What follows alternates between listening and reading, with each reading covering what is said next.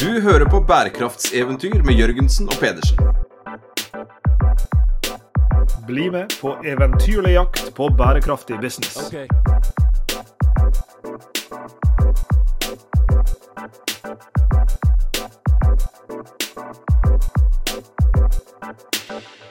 Idet denne episoden går på lufta, Sveinung, så befinner vi oss i en tid av året der det er på sin plass å si ho, ho, ho.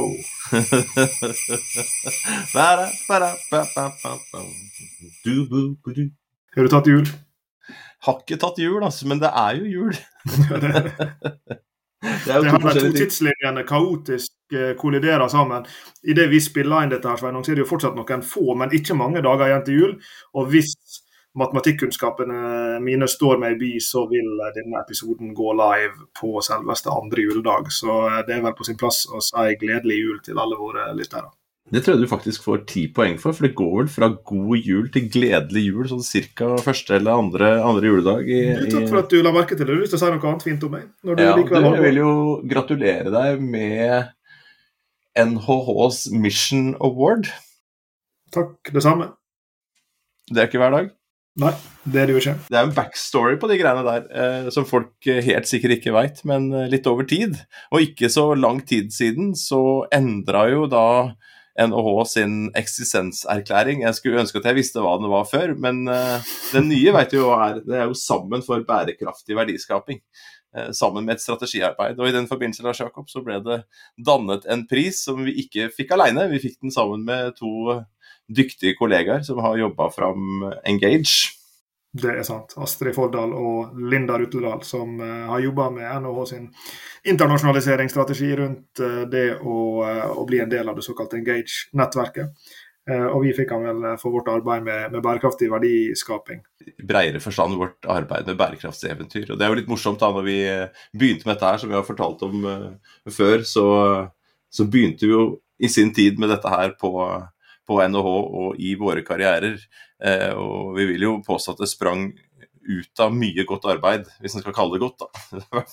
Mye bærekrafts- og, og, samfunnsansvarsarbeid, korrupsjonsarbeid. Eh, det har vært uh, arbeid knyttet, det har vært økonomer hos oss som har jobba med beskatning av fiskeressurser og CO2-avgifter uh, osv. osv. osv. I lang, lang tid før vi begynte. Så, så var ikke sånn at vi liksom var den første, første skal si, sånn hestehoven som, som tvang seg gjennom en sånn asfalt, en umulig asfalt. Det, det skal jeg ikke ha på meg. Men eh, det var, det var jo mange som jobba med det på ulike måter, og så har vi fått lov til å, å ta tak i kall det bærekraftig eh, business da, over tid. Og så ser vi også i dag at vi er jo mange eh, som jobber med dette her på ulike måter på NHH, både i forskning og undervisning. Det er jo en sånn skal vi, skal vi, være så bold at vi kaller det en, en, en misforståelse, som vi ofte blir konfrontert med. At Eh, at, det foregår så lite. altså Folk kan gjerne si, si, til oss at så bra at dere jobber med bærekraft på NHH. Eh, som om at det var bare oss. Og så vet vi jo at det står en, en stor stor flokk av folk som på ulike måter jobber med bærekraft i vid forstand, både samfunnsmessig, miljømessig og, og økonomisk. Eh, i de ulike forgreiningene av, av NHH-universet. Og, og, ikke minst hvis vi begynner å kikke på de relativt sett yngre forskerne som enten tar doktorgrad nå eller har tatt det uh, nylig, så, så uh, blomstrer jo det opp utrolig mye. Uh, men som du sier, så har jo dette også en veldig veldig lang historikk, tilbake igjen til minst Torolf Rafto, menneskerettighetsprofessoren, som mange i dag kjenner kanskje best. Du har gitt navnet sitt til, til Rafto-stiftelsen for menneskerettigheter. og jeg husker også veldig veldig godt en gang, den eneste gangen jeg vært nede i den der mørke kjelleren under NHH, en dungeon-stemning nede under der. Der er det et gammelt arkiv og Der var jeg sammen med eh, vår gamle mentor Knut Ims, eh, professor emeritus i, i forretningsetikk. For han visste at et eller annet sted i denne mørke kjelleren så lå det ei kasse som var forskningsnotater til den gamle NHH-forskeren Johs Lunde, som skrev den første boka om forretningsetikk. og jeg vil nesten kalle det for samfunnsansvar, for det var det han var opptatt av. Hva er bedrifter sitt samfunnsansvar? Og Han reiste rundt og gjorde et kvalitativt arbeid der han intervjua bedriftsledere for, eh, for, for, veldig veldig mange år siden som ble til ei, ei lita bok om, eh, om kall det etikk og samfunnsansvar, som hva vet jeg, kanskje er det Norges første bok eh, om det. Så, så, her er jo det lange lange røtter for, for det eh, arbeidet som, som, skjer under Sammen for bærekraftig verdiskaping, paraplyen i dag. Så hvis vi håper ikke snurrer film, men snurrer tiden framover Man man spoler tiden framover fra, fra, de, fra de dype, dype kjellerne Lars Jakob, og, og fram til i dag så nærmer det seg jul. Og, og vi har jo en desember bak oss som jeg syns viser dette på en veldig god måte. Vi, vi begynte jo desember med den såkalte ph.d.-dagen på vårt eget eh, institutt. Eh, regnskap, revisjon og, og rettsvitenskap. Eh, på, på, på NHH. Eh, og når vi satt der og hørte på disse dyktige ph.d.-stipendiatene presenterte sine arbeider, noen var halvveis, noen er tidlig i løpet, andre er, er lenger, så, så høres det nesten ut som hele instituttet vårt da, RRR har, har, blitt et eneste bærekraftsinstitutt, og det er jo helt feil. Eh, her jobbes det med veldig mange ulike problemstillinger, men det, var jo, det er jo tydelig da, at disse stipendiatene, som ikke er våre doktorgradsstipendiater alle sammen, at de har, har fanga opp dette her og jobber med det inn i arbeidene sine, enten det handler om eh, bærekraftsrapportering, som absolutt er på vei opp, ESG. Eh, e Vi har jo en stipendiat som, ser, har et sånt kritisk blikk på, på utviklingen av, av, regnskapsfelt og unnskyld, bærekraftsrapportering uh, over tid, og, og ser på hvordan i hennes tilfelle nyinstitusjonell teori eller institusjonell teori har blitt brukt eller misbrukt i, i utvikling av det, hvis jeg skjønner hele prosjektet riktig. Vi er folk som jobber med, med oljefondet og ser på, på, på deres signaler og og, hvordan de eh, jobber. Eh, og vi har, ja, vi har, flere bare på dette her lille, men etter hvert store instituttet som, som jobber med dette her. Så vet vi også bredt utover på, på hele NHH. Så vet vi også at det er mange eh, mastergradsstudenter, det er, det er doktorgradsstipendiater, det er postdokker, førsteamanuenser og professorer og professor emeritus. Altså folk som fremdeles går i gangene, og som har vært der lenge. Eh, som jobber med dette her eh, hver eneste dag. Og Vi fikk jo dra til fjells også oppi alt dette. her. Det ble en, en hektisk eh, desember, men vi fikk uh, jaggu litt snø og skiliv oppi det hele. For Vi befant oss også på, på Geilo her forleden med, med, en liten gruppe av disse forskerne. Deriblant en gjeng med unge stipendiater og postdoktorer som uh, ser på bærekraftsrapportering forskningsmessig, men de gjør det på en spesiell måte som jeg vil si er, om ikke unikt internasjonalt, så er det i alle fall veldig få forskere internasjonalt som jobber med bærekraftsrapportering fra et sånn kall det, det som vi i forskninga kaller for et behavioral perspektiv, altså et atferdsøkonomisk perspektiv. Det er mange som er kjent med atferdsøkonomien, f.eks. slike ting som, som nudge og, og, andre typer Kall det En ting er det atferdsmessige uh, fokuset, men det andre er jo den, store, den uh, omfattende bruken av, av eksperiment, enten i lab eller i felt, for å forstå Eh, folk sin atferd. Dette er jo blitt eh, en av de virkelig store strømningene i økonomiforskninga de, de, siste 10-15 eh, åra. Og, og foreløpig har det vært gjort veldig lite kall det atferdsøkonomisk forskning på bærekraftsrapportering. Men her har vi en liten gruppe med, med, unge forskere som er drivende dyktige, som nettopp prøver å, å, å pushe framover eh, forskningsfronten på, på, akkurat disse spørsmålene her. Hvordan er det atferdsmessig, enten du ser på utstederen av en bærekraftsrapport, eller du ser på leseren av en bærekraftsrapport, enten det er en investor eller en eh, ansatt i en NGO eller en eh, ansatt i regulerende myndigheter, eller for den del denne nye og spennende tredje parten ny blir å ta i. Men ny, med, med ny mener jeg at uh, vi nå går inn i en verden hvor stadig flere bærekraftsrapporter skal uh, attesteres av en revisor uh, eller tilsvarende. Med CSRD som nylig har blitt uh, stempla gjennom i EU-systemet, så er jo det plutselig mer enn 1000 bedrifter her til land som vil komme til å måtte få attestert bærekraftsrapportene sine.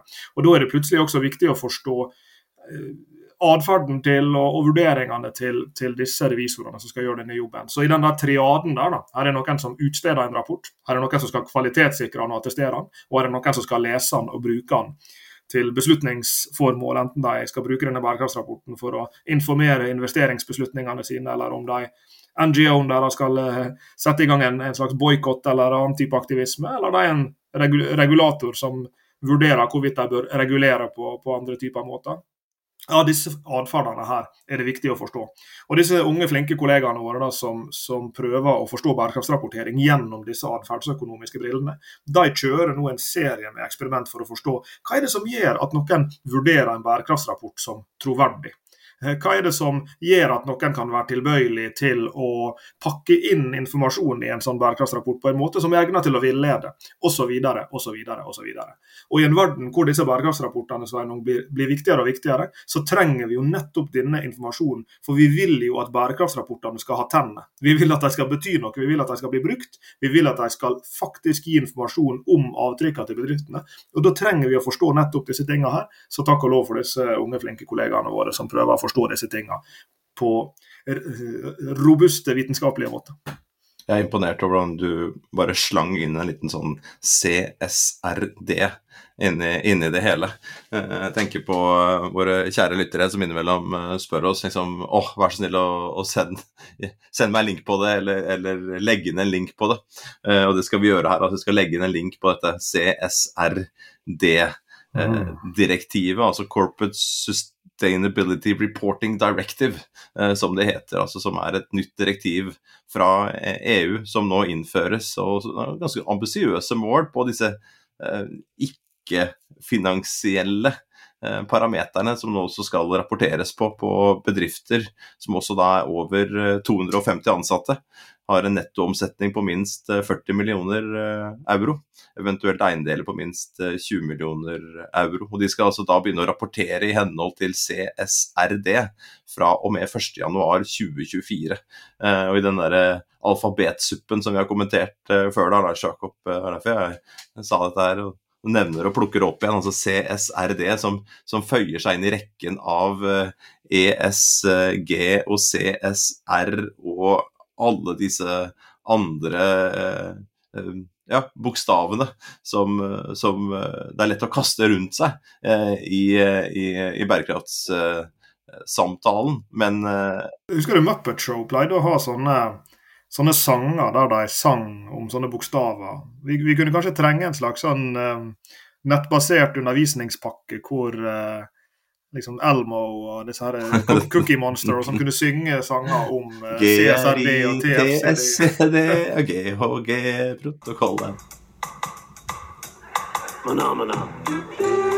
Kunne vært, det kunne vært noe, men jeg tror ikke jeg gidder. Jeg tror ikke jeg gidder sjøl, eh, men vi kan jo eh, snakke om det litt eh, innimellom her på, på, på bærekraftseventyr. Og, og, og, pause litt rundt det. For det, det er jo noe det, Går man inn på LinkedIn, inn i den der bærekraftsbobla, så er jo dette her dette her er jo bokstaver. Og også denne siste, CSRD, er jo en, et knippe bokstaver som, som, som blir brukt mye mye det siste. Og som du var inne på, her har vi da doktorgradsstipendiater som, som, dykker ned i dette her og ser på hva er det som eh, rapporteres, hvordan eh, er det dette her blir mottatt, eh, og hvordan er det blir brukt av beslutningstakere?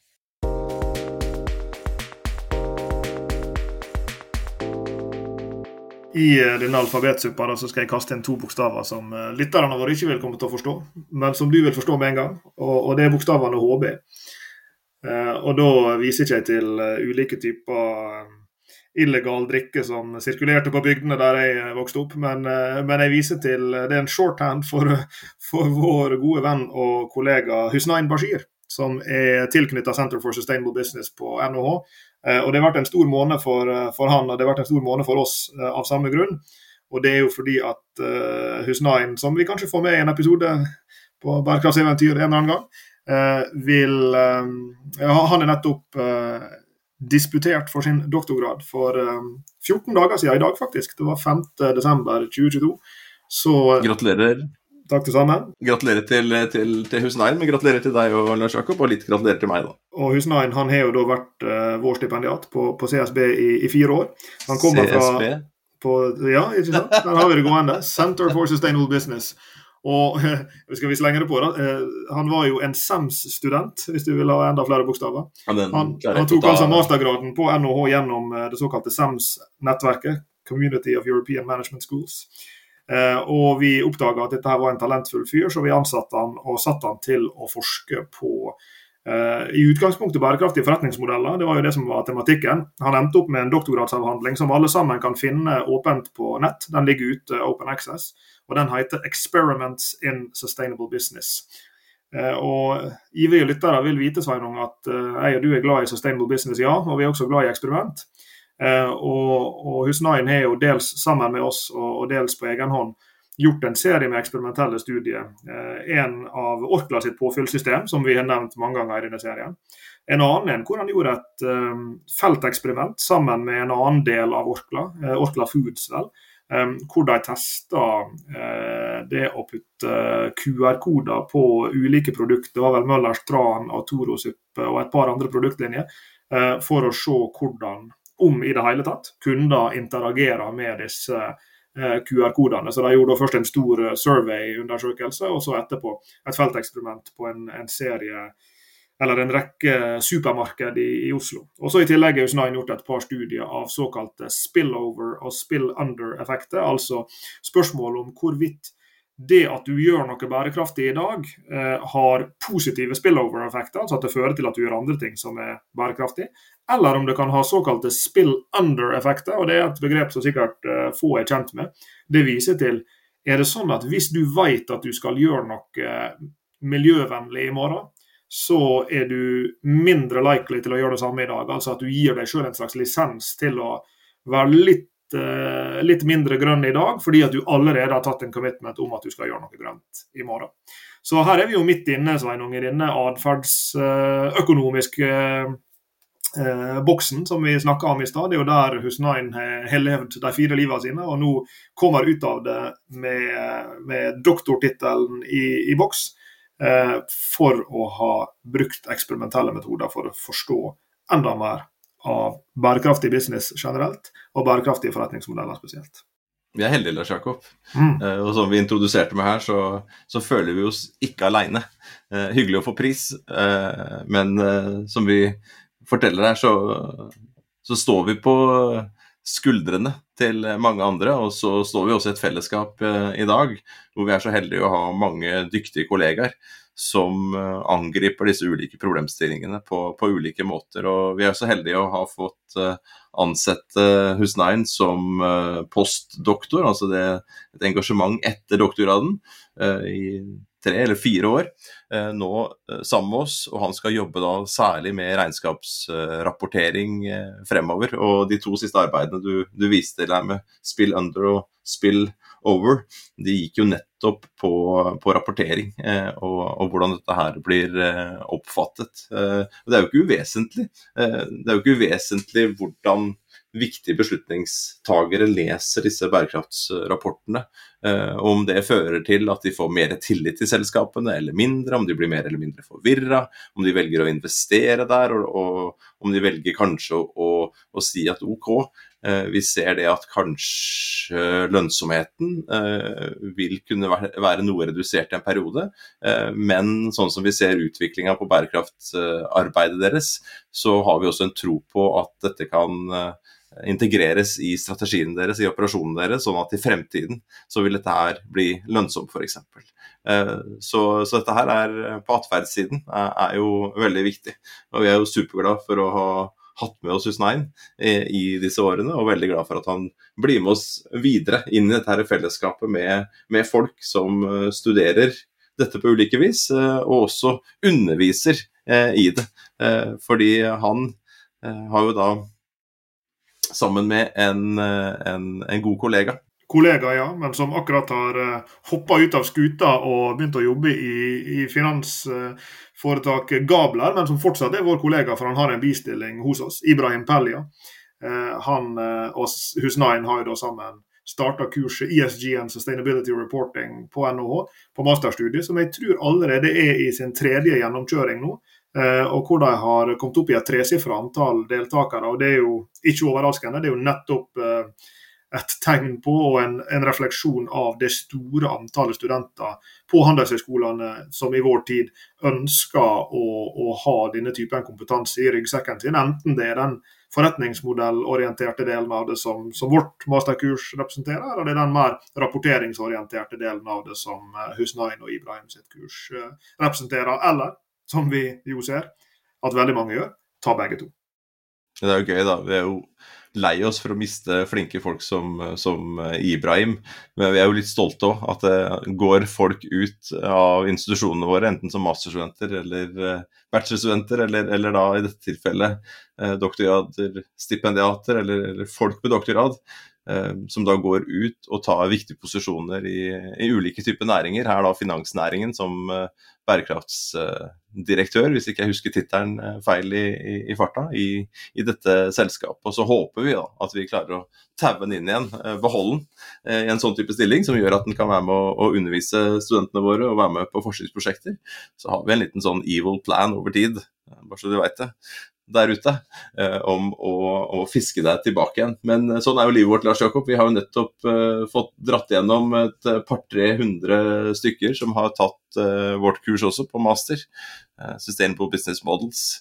Og vært så heldig å få lov til å lese eksamener nå før jul og sett på arbeidene deres. Ja, du ler du, men det er jo dritflinke folk. Det, det er, man skal ta litt sats når man skal lese 200-300 eksamensoppgaver. Såpass ærlig skal vi være på en, på en, på en dag som dette, han har sagt. Men, men, samtidig så er det jo det er jo også tungt å lese, for de er så flinke. Så skal man sitte der og prøve å, å skille dem eh, fra hverandre, og, og, dessverre måtte ende opp med en, sånn bokstavkarakter som skal gi uttrykk for hva de har lært. Og det er ikke alltid rettferdig. Og, og sånn er det. Men dyktige er dem, og dessverre så kan jo ikke alle få, få toppkarakter. Det, det, sprer seg litt utover. og akkurat Det er jo ikke akkurat liksom favorittsysselen i løpet av et år, men det er jo favorittsyssel Lars Jakob, å ha et kurs med nærmere 500 studenter i året som setter seg inn i bærekraftig business eh, på ulike måter.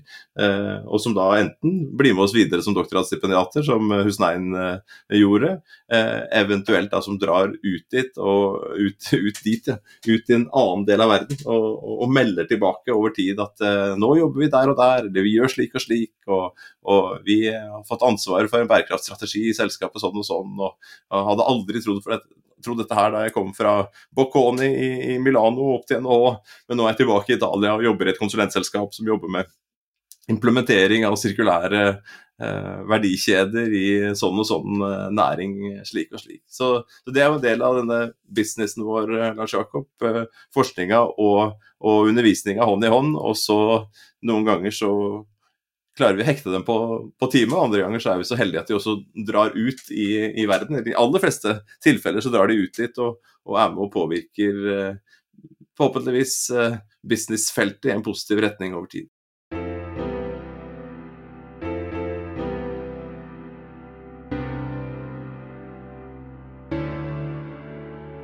Jeg skyte inn her for, nettopp fordi at jeg vet at uh, det er veldig mange av våre både tidligere og nåværende studenter som er lyttere uh, på bærekraftseventyr. Og, og uh, dette kan dere gjerne ta som en oppfordring til at vi elsker å få disse oppdateringene som vi av og til får i, e-postform. At noen forteller at jeg har nå gjort slik og sånn, og jeg har tenkt på det i mange år at jeg har lyst til å begynne å jobbe med sirkulærøkonomi, eller hva det måtte være. Men også disse som vi får på på Flytoget og på gaten og på, i, i barer rundt omkring på hotell, og hvor det måtte være vi, vi treffer dere hen. Dere som enten er, uh, var studenter hos oss for lenge siden, uh, for litt siden, eller som fortsatt er det. Så uh, syns vi det er fryktelig fryktelig moro å høre om, om ting, ting, som skjer, og på de ulike måtene dere også drar ut på bærekraftseventyr. Men apropos eventyr, Sveinung. Vi, vi fikk treffe en spennende gjeng på hva dag det var, da? Forrige tirsdag, var det det? Eh, når vi eh, landa på Ingeniørenes hus i, i, Oslo, i Kronprinsens gate. Hvor det var samla en gjeng som eh, hadde satt seg et eh, nesten for ambisiøst mål. Som de har fått sjenerøs eh, støtte fra Forskningsrådet til å forfølge. Og som de nå skal bruke en del år på å eh, prøve å make sense, make sense of, som det heter på godt engelsk. Og dette her er en gjeng som jobber under paraplytittelen New Tools. Men de lager ikke verken hammere eller eh, skiftenøkler, den gjengen her. De lager det ikke, men de trenger det for å lage det de kaller et bærekraftig matsystem. Og Vi var invitert til Lars Jakob uh, først til å holde et uh, foredrag, og så kom vi i prat med den flinke gjengen uh, bak. Og så fikk vi lov til å dra dem gjennom hele dagen som konferansierer og foredragsholdere.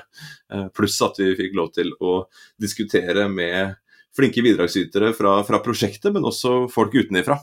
Eh, om prosjektet, hvor langt de har kommet nå etter et år, hva de hadde lært, hva de lurte på og hva de skal gjøre de neste årene. Og Det er jo et eh, ekstremt ambisiøst eh, prosjekt. Du sa de hadde fått godt med penger, eh, men det trenger man jo når man skal ta 26 partnere, forskere på helsesiden, på matsiden, bærekraftsiden, og, og, og, prøve da å stake ut en, en kurs som skal hjelpe da forbrukere til å gjøre lettere for oss forbrukere til å, velge bærekraftig mat. Og I det så skal de da utvikle et skåringssystem som sier da, skal både si noe om ernæringen og om matens klima- og miljøavtrykk.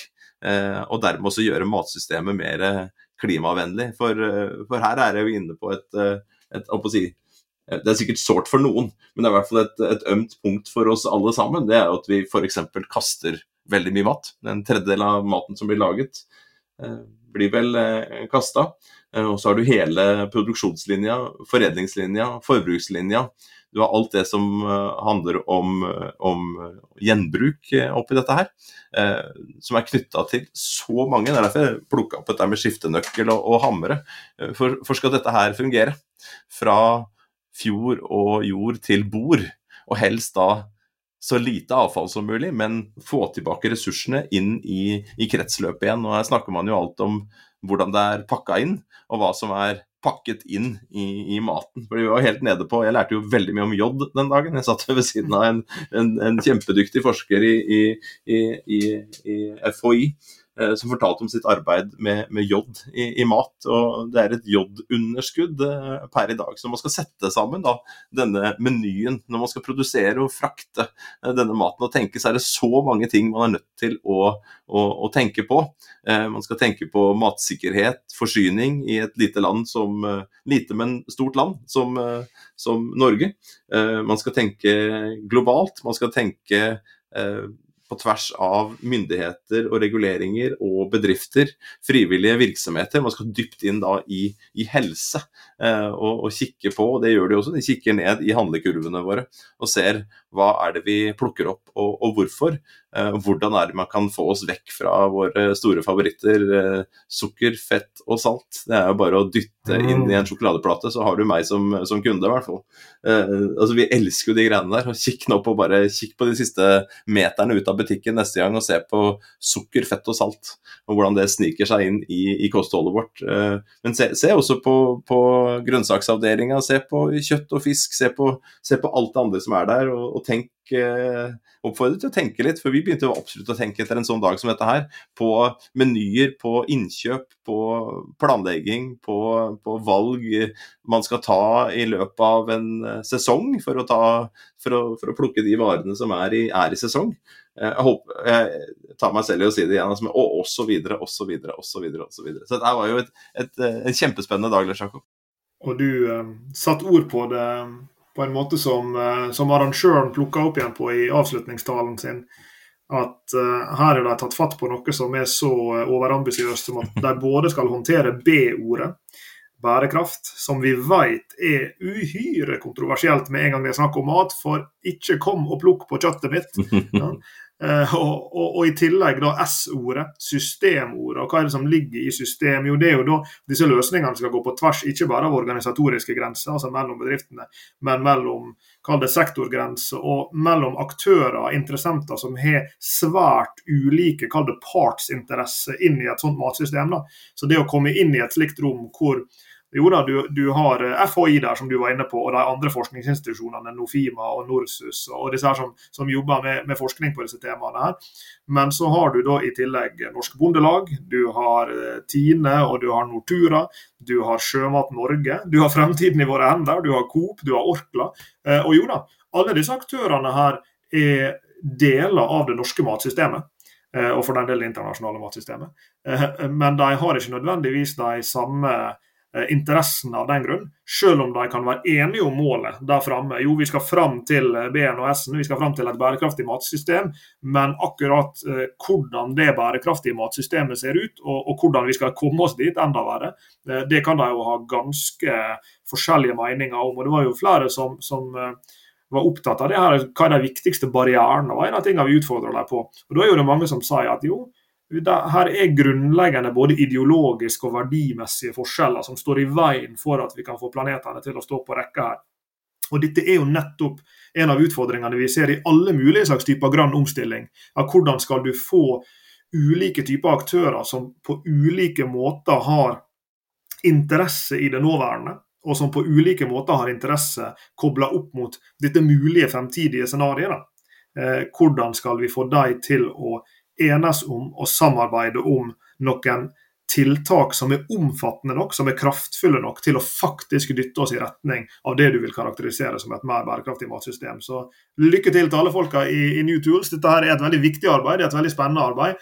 Eh, men skal jeg være helt ærlig, Sveinung, så er jeg glad for at jeg ikke har ansvaret for å lede deg gjennom dette. Kudos til Camilla Stoltenberg, som er prosjektansvarlig, og prosjektleder Knut eh, Inge Klepp eh, og alle dere andre. Men jeg må stille deg et oppfølgingsspørsmål, Lars Jakob. Vet du hvor eh, mange gram vi egentlig bør ha av jod per dag for å ikke få struma og ende opp som de sveitsiske soldatene som Napoleon med sin hær lett kunne vandre over Alpene. For de hadde jo strumamangel hele gjengen. Du, vi skal ikke gå inn på antall gram, altså. Men, eh, men eh, apropos det å ja, men Helt seriøst, det å jobbe med disse matsystemene fra disse store bærekrafts- og systemspørsmålene, det glo globale og det lokale, helt ned da, til å, å skjønne at eh, per i dag spiser vi for lite hvit fisk. Vi har ikke tilsetter ikke lenger eh, jod i all slags eh, type salt, vi har det i, i, noe type salt, så går det helt ned på det, og det blir krøll i skjoldbrukskjertelen. Og, og, man er da bekymra for særlig unge jenter som drikker for lite melk og, og spiser for lite hvit fisk, eh, som får problemer her, eh, som også går inn på det, potensielt inn på det psykiske. Og dette her er ikke noe lenger vi, vi, vi, vi måler. Så any day, anytime bli med meg på en prat om, om jod. Hvis du da spiser for lite hvit fisk og, og, og, og melk, kjære lytter, så går det an å ta et uh, lite kosttilskudd som inneholder jod, men ikke kjøp sånn jod som man bruker ved atomkraftulykker. Godt uh, levert, eh, Svein. Tusen takk. Tusen takk. Selv om det ikke Det kan sikkert høres ut som at vi er sponsa av, av sånne vitamintablettprodusenter. Det er vi altså ikke, men vi, vi støtter veldig opp rundt både FHI og, og, resten av det norske helsevesenet sin, sin, sine råd om at nordmenn bør spise mer eh, hvitfisk. Og, eller eh, hvis du foretrekker, ta en jodtablett hver dag, sånn at du ikke får jodmangel. Og dette her, Sveinung, bør vi understreke ikke er helseråd. Vi er ikke kvalifisert til å mene noe som helst om helse. Så vær så snill, hvis du trenger eh, helseråd, ta kontakt med noen andre enn Sveinung Jørgensen og Lars Jakob Tyres Har vi ikke allerede skrevet det ute på nettet knytta til denne eh, podkasten her? Altså, dette er ikke råd. Ingenting av de tingene vi tar. det gjelder alle episoder, egentlig. Vi, vi er her bare for å skape forvirring. Og det skal vi få til, og det skal vi fortsette med.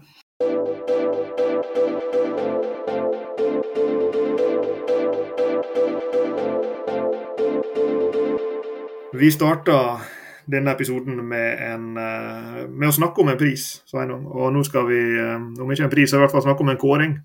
Eh, fordi det som også skjedde tidligere i desember, skjedde jaggu på samme dagen som Husnain Bashir disputerte for sin doktorgrad, 5.12., så offentliggjorde Bring i samarbeid med Dagens Næringsliv vinneren av eh, sin, sin, kåring av Norges smarteste grønne løsning. Og Der var det mange mange spennende og gode eh, bedrifter som eh, var nominert. Og vi har vel et særlig softspot for den som ble vinneren. Absolutt. Eh, Nordic Circles som da uh, vant dette her. Vi, som vi da har en, en, liten eierpost i, eller en eierpost i, og og vi samarbeider da med, med flinke folk som vi har hatt uh, på, på podkasten i hvert fall to ganger, tror jeg, Lars Jakob. At uh, Fredrik Barth og Jon Jacobsen har vært innom og snakka om, om, om, om, dette prosjektet, som da ble plukka ut blant særdeles gode kandidater til da å bli kåret til, som du sa, eh, smarteste grønne løsning. Og hvis man blir, vinner det, Lars Jakob, så er det en pris. Så man har fått en pris, altså. Vi må bare si at det er en pris. Og eh, helt liksom uten blygsel så vil jeg jo si at det er en veldig velfortjent pris. Eh, dette er jo en, en, en, en idé om å gjøre nyttig stål, som i dag er i skip og borerigger, som da ikke lenger skal være ski på borerigger, for de har gjort ferdig med den delen av, av, livsløpet sitt. gjøre det om til byggematerialer. og dette her gjøres jo ikke i en fei eh, slash eh, håndvending. Det er jo hardt arbeid som skal til. Det er ikke bare å plukke disse platene ned fra, fra skipet eller fra, fra boreriggen. Det er ikke bare det å komme opp med eh, nye ideer er, som kan skaleres opp, eh, som både skal ha et en, en, det man på utenlandsk kaller en impact, en, en positiv påvirkning på, på, klima og miljø. Det skal også være attraktive produkter som kan inngå i Eh, designet og etter hvert også eh, byggingen av, eh, av ny eiendom.